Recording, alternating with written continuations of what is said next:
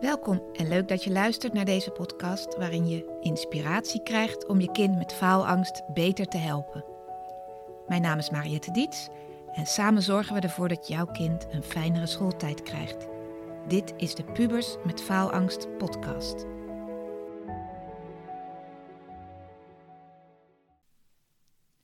Hey, welkom bij aflevering 1 van het tweede seizoen. Hoe cool klinkt dat van de Pubers met Faalangst podcast. Ehm, ja, ik heb een lekkere lange zomer gehad. En nu zit ik weer vol energie om wekelijks een mooie aflevering voor je klaar te zetten. Dank jullie wel ook voor de berichtjes die ik tijdens de zomerperiode heb ontvangen van trouwe luisteraars. Uh, luisteraars die vragen hebben of die vertellen waar ze de oefeningen voor gebruiken.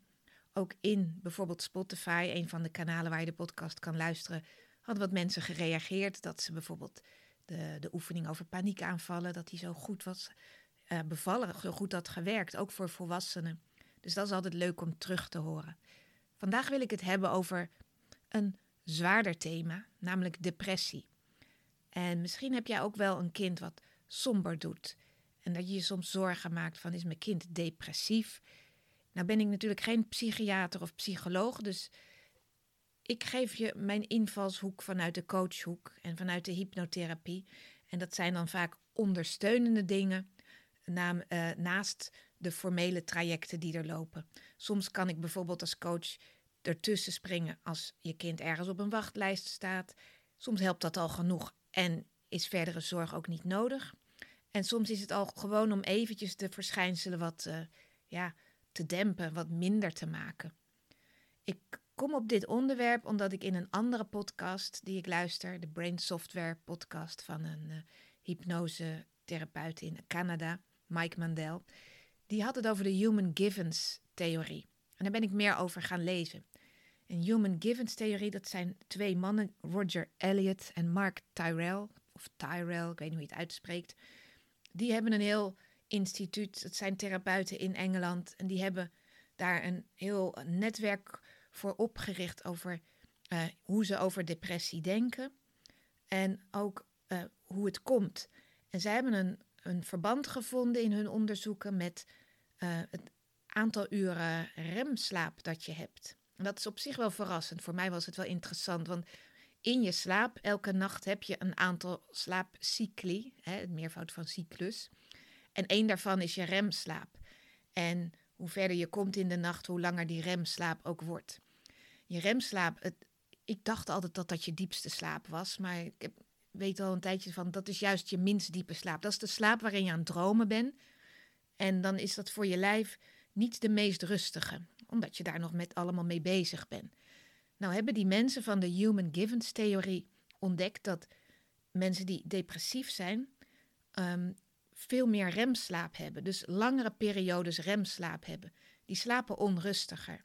En die hebben daar ook ontdekt of geconcludeerd dat als je veel piekert, als je veel onopgeloste dingen hebt overdag, dan heb je je remslaap nodig om dat allemaal op te lossen. Dus mensen die erg aan bezorgd zijn en veel piekeren, die zijn daar dus s'nachts ook extra mee bezig. Die hebben langere remslaap, waardoor ze s'morgens geradbraakt wakker worden en nog hartstikke moe zijn nog voor ze de dag beginnen. Nou, dat is al een interessant feitje over depressie. En dus als jouw kind veel somber is, kijk dan eens waar piekert je kind over en hoe kan je zorgen wegnemen? Hoe kan je dingen oplossen? En soms moet je bijvoorbeeld leren om dingen uit te praten met iemand of uh, een confrontatie aan te gaan. Want vaak zitten we zo te, bijvoorbeeld als het gaat om sociale contacten, zo voorzichtig ja, te piekeren zonder dat we het echt vragen aan iemand anders. Klopt het dat dit? Of, hè, dus je kind moet ook leren om situaties aan te gaan en op te lossen. In plaats van daar alsmaar over te piekeren, uh, rumineren, ruminate zeggen ze dan in het Engels. Dat je daar zo mee bezig bent. Dat, dat gaat ten koste van je slaap. En ja, dat veroorzaakt dus ook dat je zo somber wordt. Ze hebben ook iets anders ontdekt, die Human Givens mannen. Ze hebben op, het, op een rijtje gezet negen behoeften waar je basisbehoeften eigenlijk van een mens, die ervoor zorgen dat je lekker in je vel zit. Dus je, snapt, je kent misschien wel de piramide van Maslow. Uh, bepaalde dingen heeft een mens nodig. Hè? Eerst natuurlijk eten en drinken. En zo gaat die piramide steeds hoger. Ehm, ze leggen het ook uit aan, bijvoorbeeld, je hebt vast wel een plantje in huis. Wat niet helemaal de zorg krijgt wat hij zou moeten hebben. Wat niet helemaal tot volle bloei is gekomen. Misschien omdat hij op, in de badkamer staat, niet genoeg licht krijgt. Of nog uh, meer of minder water nodig heeft dan je geeft. Dat zijn bepaalde basisbehoeften die zo'n plantje heeft. Ja, dat geldt ook voor mensen. We hebben aan een aantal zaken in ons leven behoefte. En die mensen van die Human Givens theorie, die werken dus met depressieve patiënten, klanten, cliënten, om op die negen vlakken te kijken, hoe gaat het met jou op dat vlak? Hoe kunnen we zorgen dat je daar meer, dat je daar beter bij voelt, dat je meer in die behoefte voorzien wordt, zodat die depressie vanzelf minder wordt. Nou, ik wilde die negen behoeften met je delen en dan kan je terwijl je luistert, even kuch hoor, sorry, terwijl je luistert naar die negen behoeften, kan je checken hoe dat bij jouw kind zit. En in een traject bij mij in de praktijk of bij een andere therapeut kan je natuurlijk ook stap voor stap aan die negen behoeften werken, zodat het op allerlei vlakken beter gaat. En je dus ook weer minder hoeft te piekeren en dus ook weer lekkerder slaapt en weer sneller lekker in je vel zit. Nou, ik ga nu die negen behoeften, die negen basisbehoeften van de mens, één voor één behandelen. De eerste is behoefte aan aandacht. Aandacht geven, aandacht nemen. Dus elk mens heeft diep in zich echt een behoefte ja, dat iemand aandacht toont, maar ook dat je aandacht aan iemand kan geven.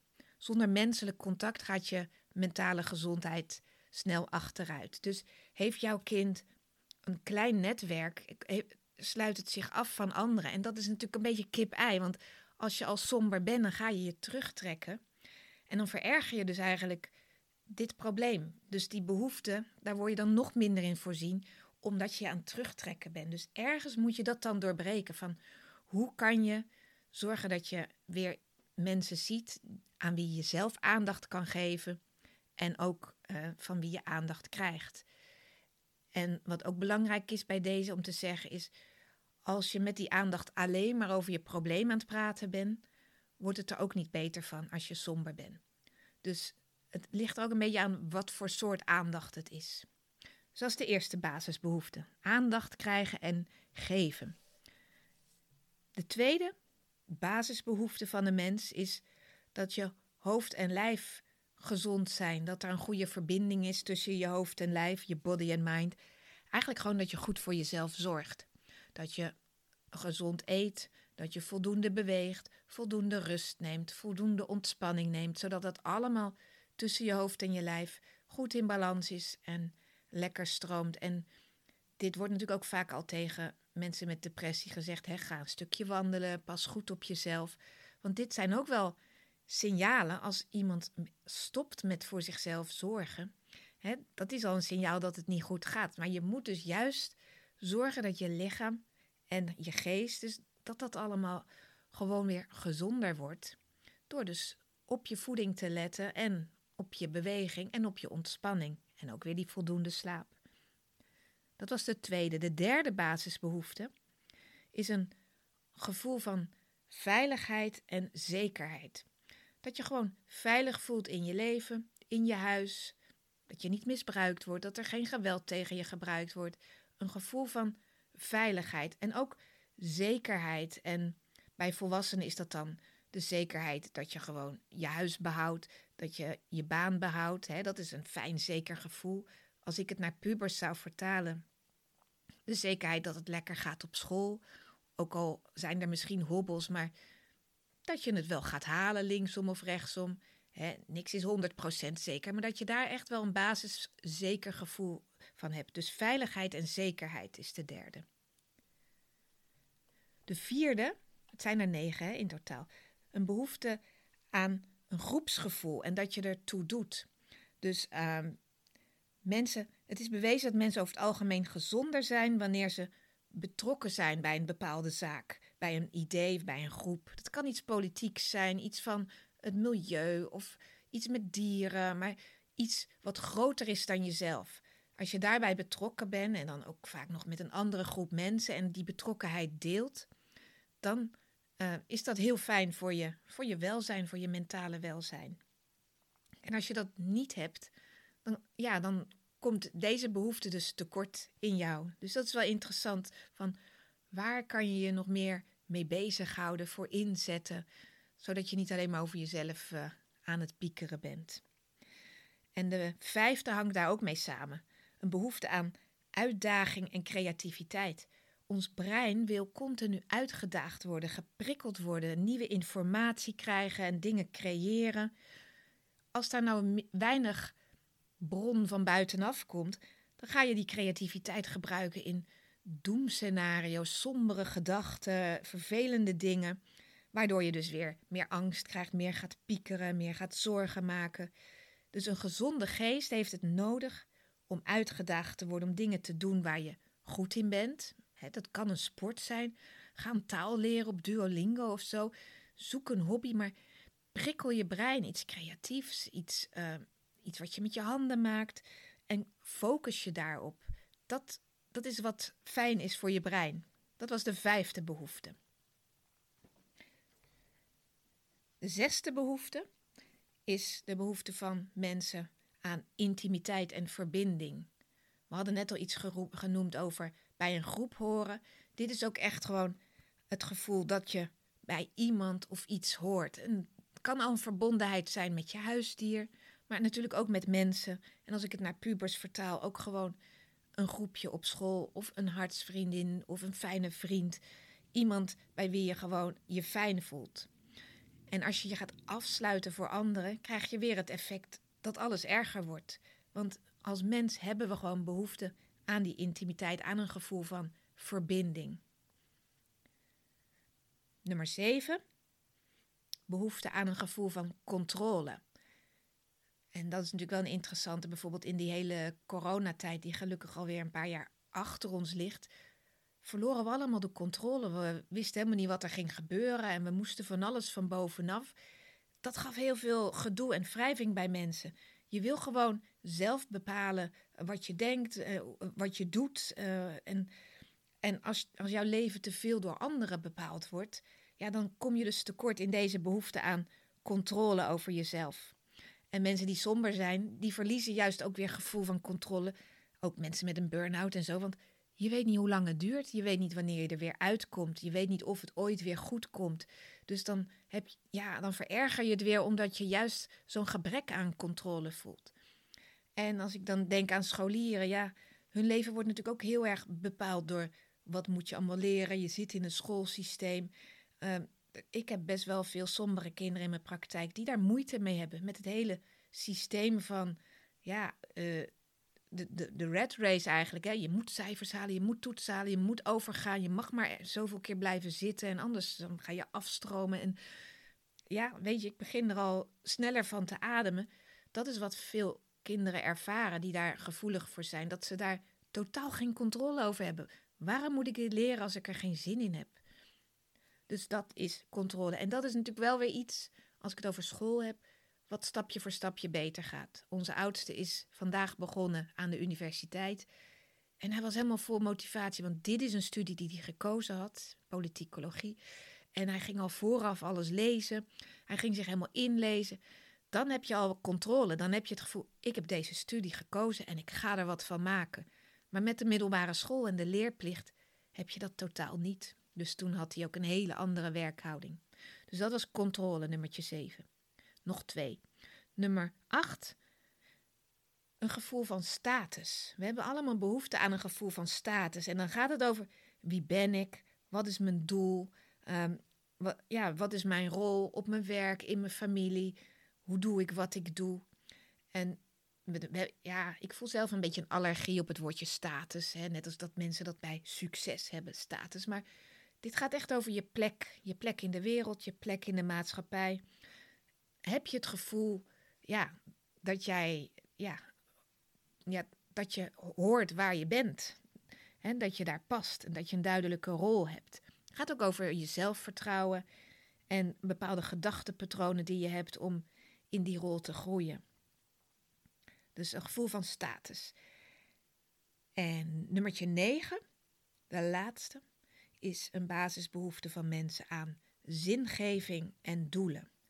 Dat is dat je iets hebt buiten jezelf om je op te focussen. Dat je plannen hebt voor de toekomst en die ook haalbaar zijn, waarvan je weet, nou, als ik dat en dat doe, dan kan ik dat halen. Um, iets ook, ja, wat je naar voren trekt, zeg maar. Iets om naartoe te gaan, dat het zin heeft allemaal. En ook dit gaat natuurlijk vaak mis bij mensen met depressie, want ja, die willen vaak soms niet verder of die weten niet hoe het verder moet. En die zitten zo vast dat ze dat hele toekomst niet meer zien, die zingeving en doelen.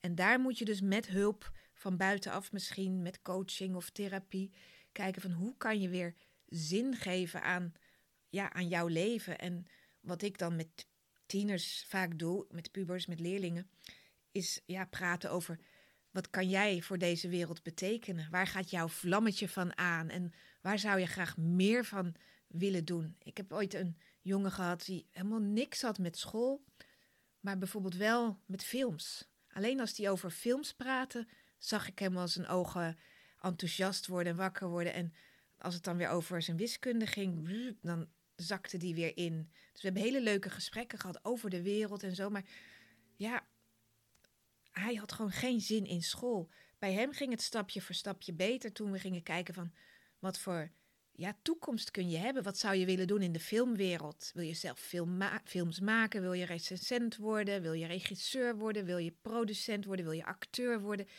En ook gewoon, ja, wat voor soort films zou jij maken? Dus je moet dan contact maken met, ja, iets wat zin heeft voor jouw gevoel. Nou, dit waren de negen punten. Ze zijn best verschillend. Ik ga ze nog één keer in het kort voorlezen. En je kunt ze zelf ook wel vinden. Ik zal in de show notes ook wat linkjes plaatsen hierover. De behoefte aan, om aandacht te krijgen en te geven. Dus een mens heeft aandacht nodig. Tweede, goed voor jezelf zorgen. Afstemmen van hoofd en lijf. Gezonde leefstijl eigenlijk. Behoefte aan veiligheid en zekerheid. Behoefte aan een groepsgevoel en dat je ertoe doet. Behoefte aan uitdaging en creativiteit, behoefte aan intimiteit, een verbinding, je verbonden voelen, behoefte aan een gevoel van controle, behoefte aan een gevoel van status. En de laatste, behoefte aan zingeving en doelen. Dat zijn die negen basisbehoeften. En als je me een berichtje stuurt, kan ik je ook een checklist sturen waarin stellingen staan. En dan kan jij of je kind daar ook gewoon cijfers voor geven. Van, uh, nou, ik heb nu wel het, gevoel dat ik me voor uh, voldoende intimiteit en verbinding ervaar in mijn leven. Dan geef je daar bijvoorbeeld een 8 aan of een 6. Uh, eh. en dan kan je gewoon kijken van, wat zijn de lagere cijfers?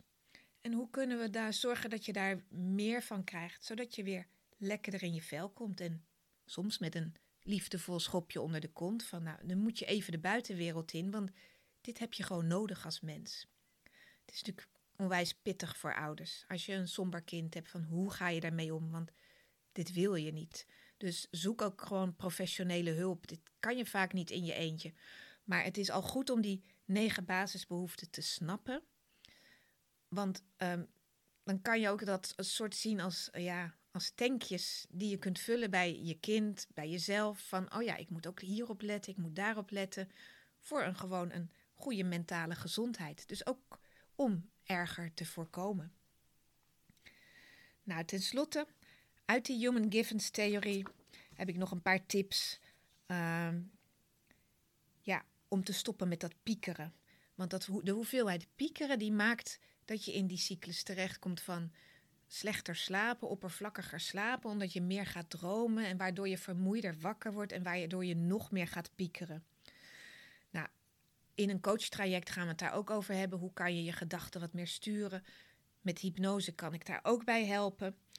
Um, vaak zijn piekergedachten van die soort alles of niks denken. Bijvoorbeeld uh, de melk is op. Nou, het zal vandaag wel helemaal niks worden. Je gaat in één keer alles negatief doen betrap je jezelf erop dat je dat doet, of betrap je kind erop dat je kind dat doet. Want het is niet altijd alles of niks. Er zijn altijd uitzonderingen. Zelfs in een slechte week zal een betere dag zijn. Dus stop met het alles of niks denken. En stop jezelf vooral. Herken het als je het aan het doen bent. Tweede tip om te stoppen met piekeren. Lees boeken om je geest bezig te houden. Als je je verveelt bijvoorbeeld. En dan bedoel ik spannende boeken en dan niet zelfhulpboeken. Want ja, dan ben je weer daarmee bezig. Maar ga gewoon iets spannends lezen om je geest bezig te houden. En misschien ook filmpjes. Ik bedoel, uh, boeken, tip. Ja, de jeugd doet dat weer vooral met filmpjes. Tip 3, ga bewegen. Oefening, beweging is altijd goed voor je brein. Vierde tip, ga werken of ga aan het werk. Ga iets voor school doen. Ga gewoon iets doen. En de laatste tip, ja, hou jezelf bezig. Ga dingen doen die jou ervan weerhouden om veel na te denken. En dat is natuurlijk ook wel wat mensen al vaak doen. Bijvoorbeeld door even dom op social media te gaan zitten scrollen. Het is niet altijd erg. Ik heb ook in het, voor een volgende podcast een leuk onderwerp. Ik heb net iets gehoord over lachtherapie. Zorg dat je gewoon lacht. Ga, ga dus noods nep lachen. Maar dat maakt al hormonen los, waardoor je al meer gaat lachen. Dus ja, ga, ga grappige kattenfilmpjes kijken of uh, wat dan ook. Maar doe dingen om dat piekeren te voorkomen. En als je minder piekert, ga je weer beter slapen en voel je de volgende dag ook weer beter. En een andere tip tenslotte, naast dat stoppen met piekeren, is ook nog: ga eens bijhouden met cijfers bijvoorbeeld hoe je je op bepaalde dagen voelt. Kan met cijfers zijn, om ook te ontdekken dat het niet altijd een 1 is. Maar dat er ook wel eens vijven of zessen of zelfs zeven tussen zitten. Dat je uh, een manier vindt om daar een, waar een schaal aan te geven. Zodat je ook ziet dat het niet allemaal ellende is. En dat je ook gaat ontdekken wat zijn nou, wat maakt nou dat mijn betere dagen betere dagen zijn. Nou, een heel verhaal. Ik denk dat het voor nu genoeg is. Ruim 20 minuten zie ik op de tijd. Uh, mocht je nog vragen hierover hebben, het is natuurlijk een ingewikkeld onderwerp. Of mocht je tijdelijk hulp zoeken of ben je bang dat je kind richting een depressie glijdt en wil je het voorkomen, neem gewoon eens contact met me op. Ook als je er zelf last van hebt. Wat ik al zei, hè, meld je ook bij je huisarts en ga dat pad in. Maar wie weet kan ik ondertussen al wat verlichting brengen. En dan is het niet om een depressie op te lossen, maar wel om, um, om je gevoel beter te maken, zodat de dagen wat draaglijker worden. En dat samen zal dan zorgen uiteindelijk dat je er ook wel weer uitkomt. Nou, heb je nog vragen? Stuur me een berichtje. En anders graag tot de volgende keer. Doei doei. Bedankt weer voor het luisteren naar de Pubers met Faalangst podcast. Wil je met mij sparren over jullie situatie? Dan kun je altijd een gratis kennismakingsgesprek inplannen via www.dietscoaching.nl. Vind je deze podcast interessant? Abonneer je dan en geef hem een goede review. Dat helpt mij enorm om nog meer ouders te bereiken.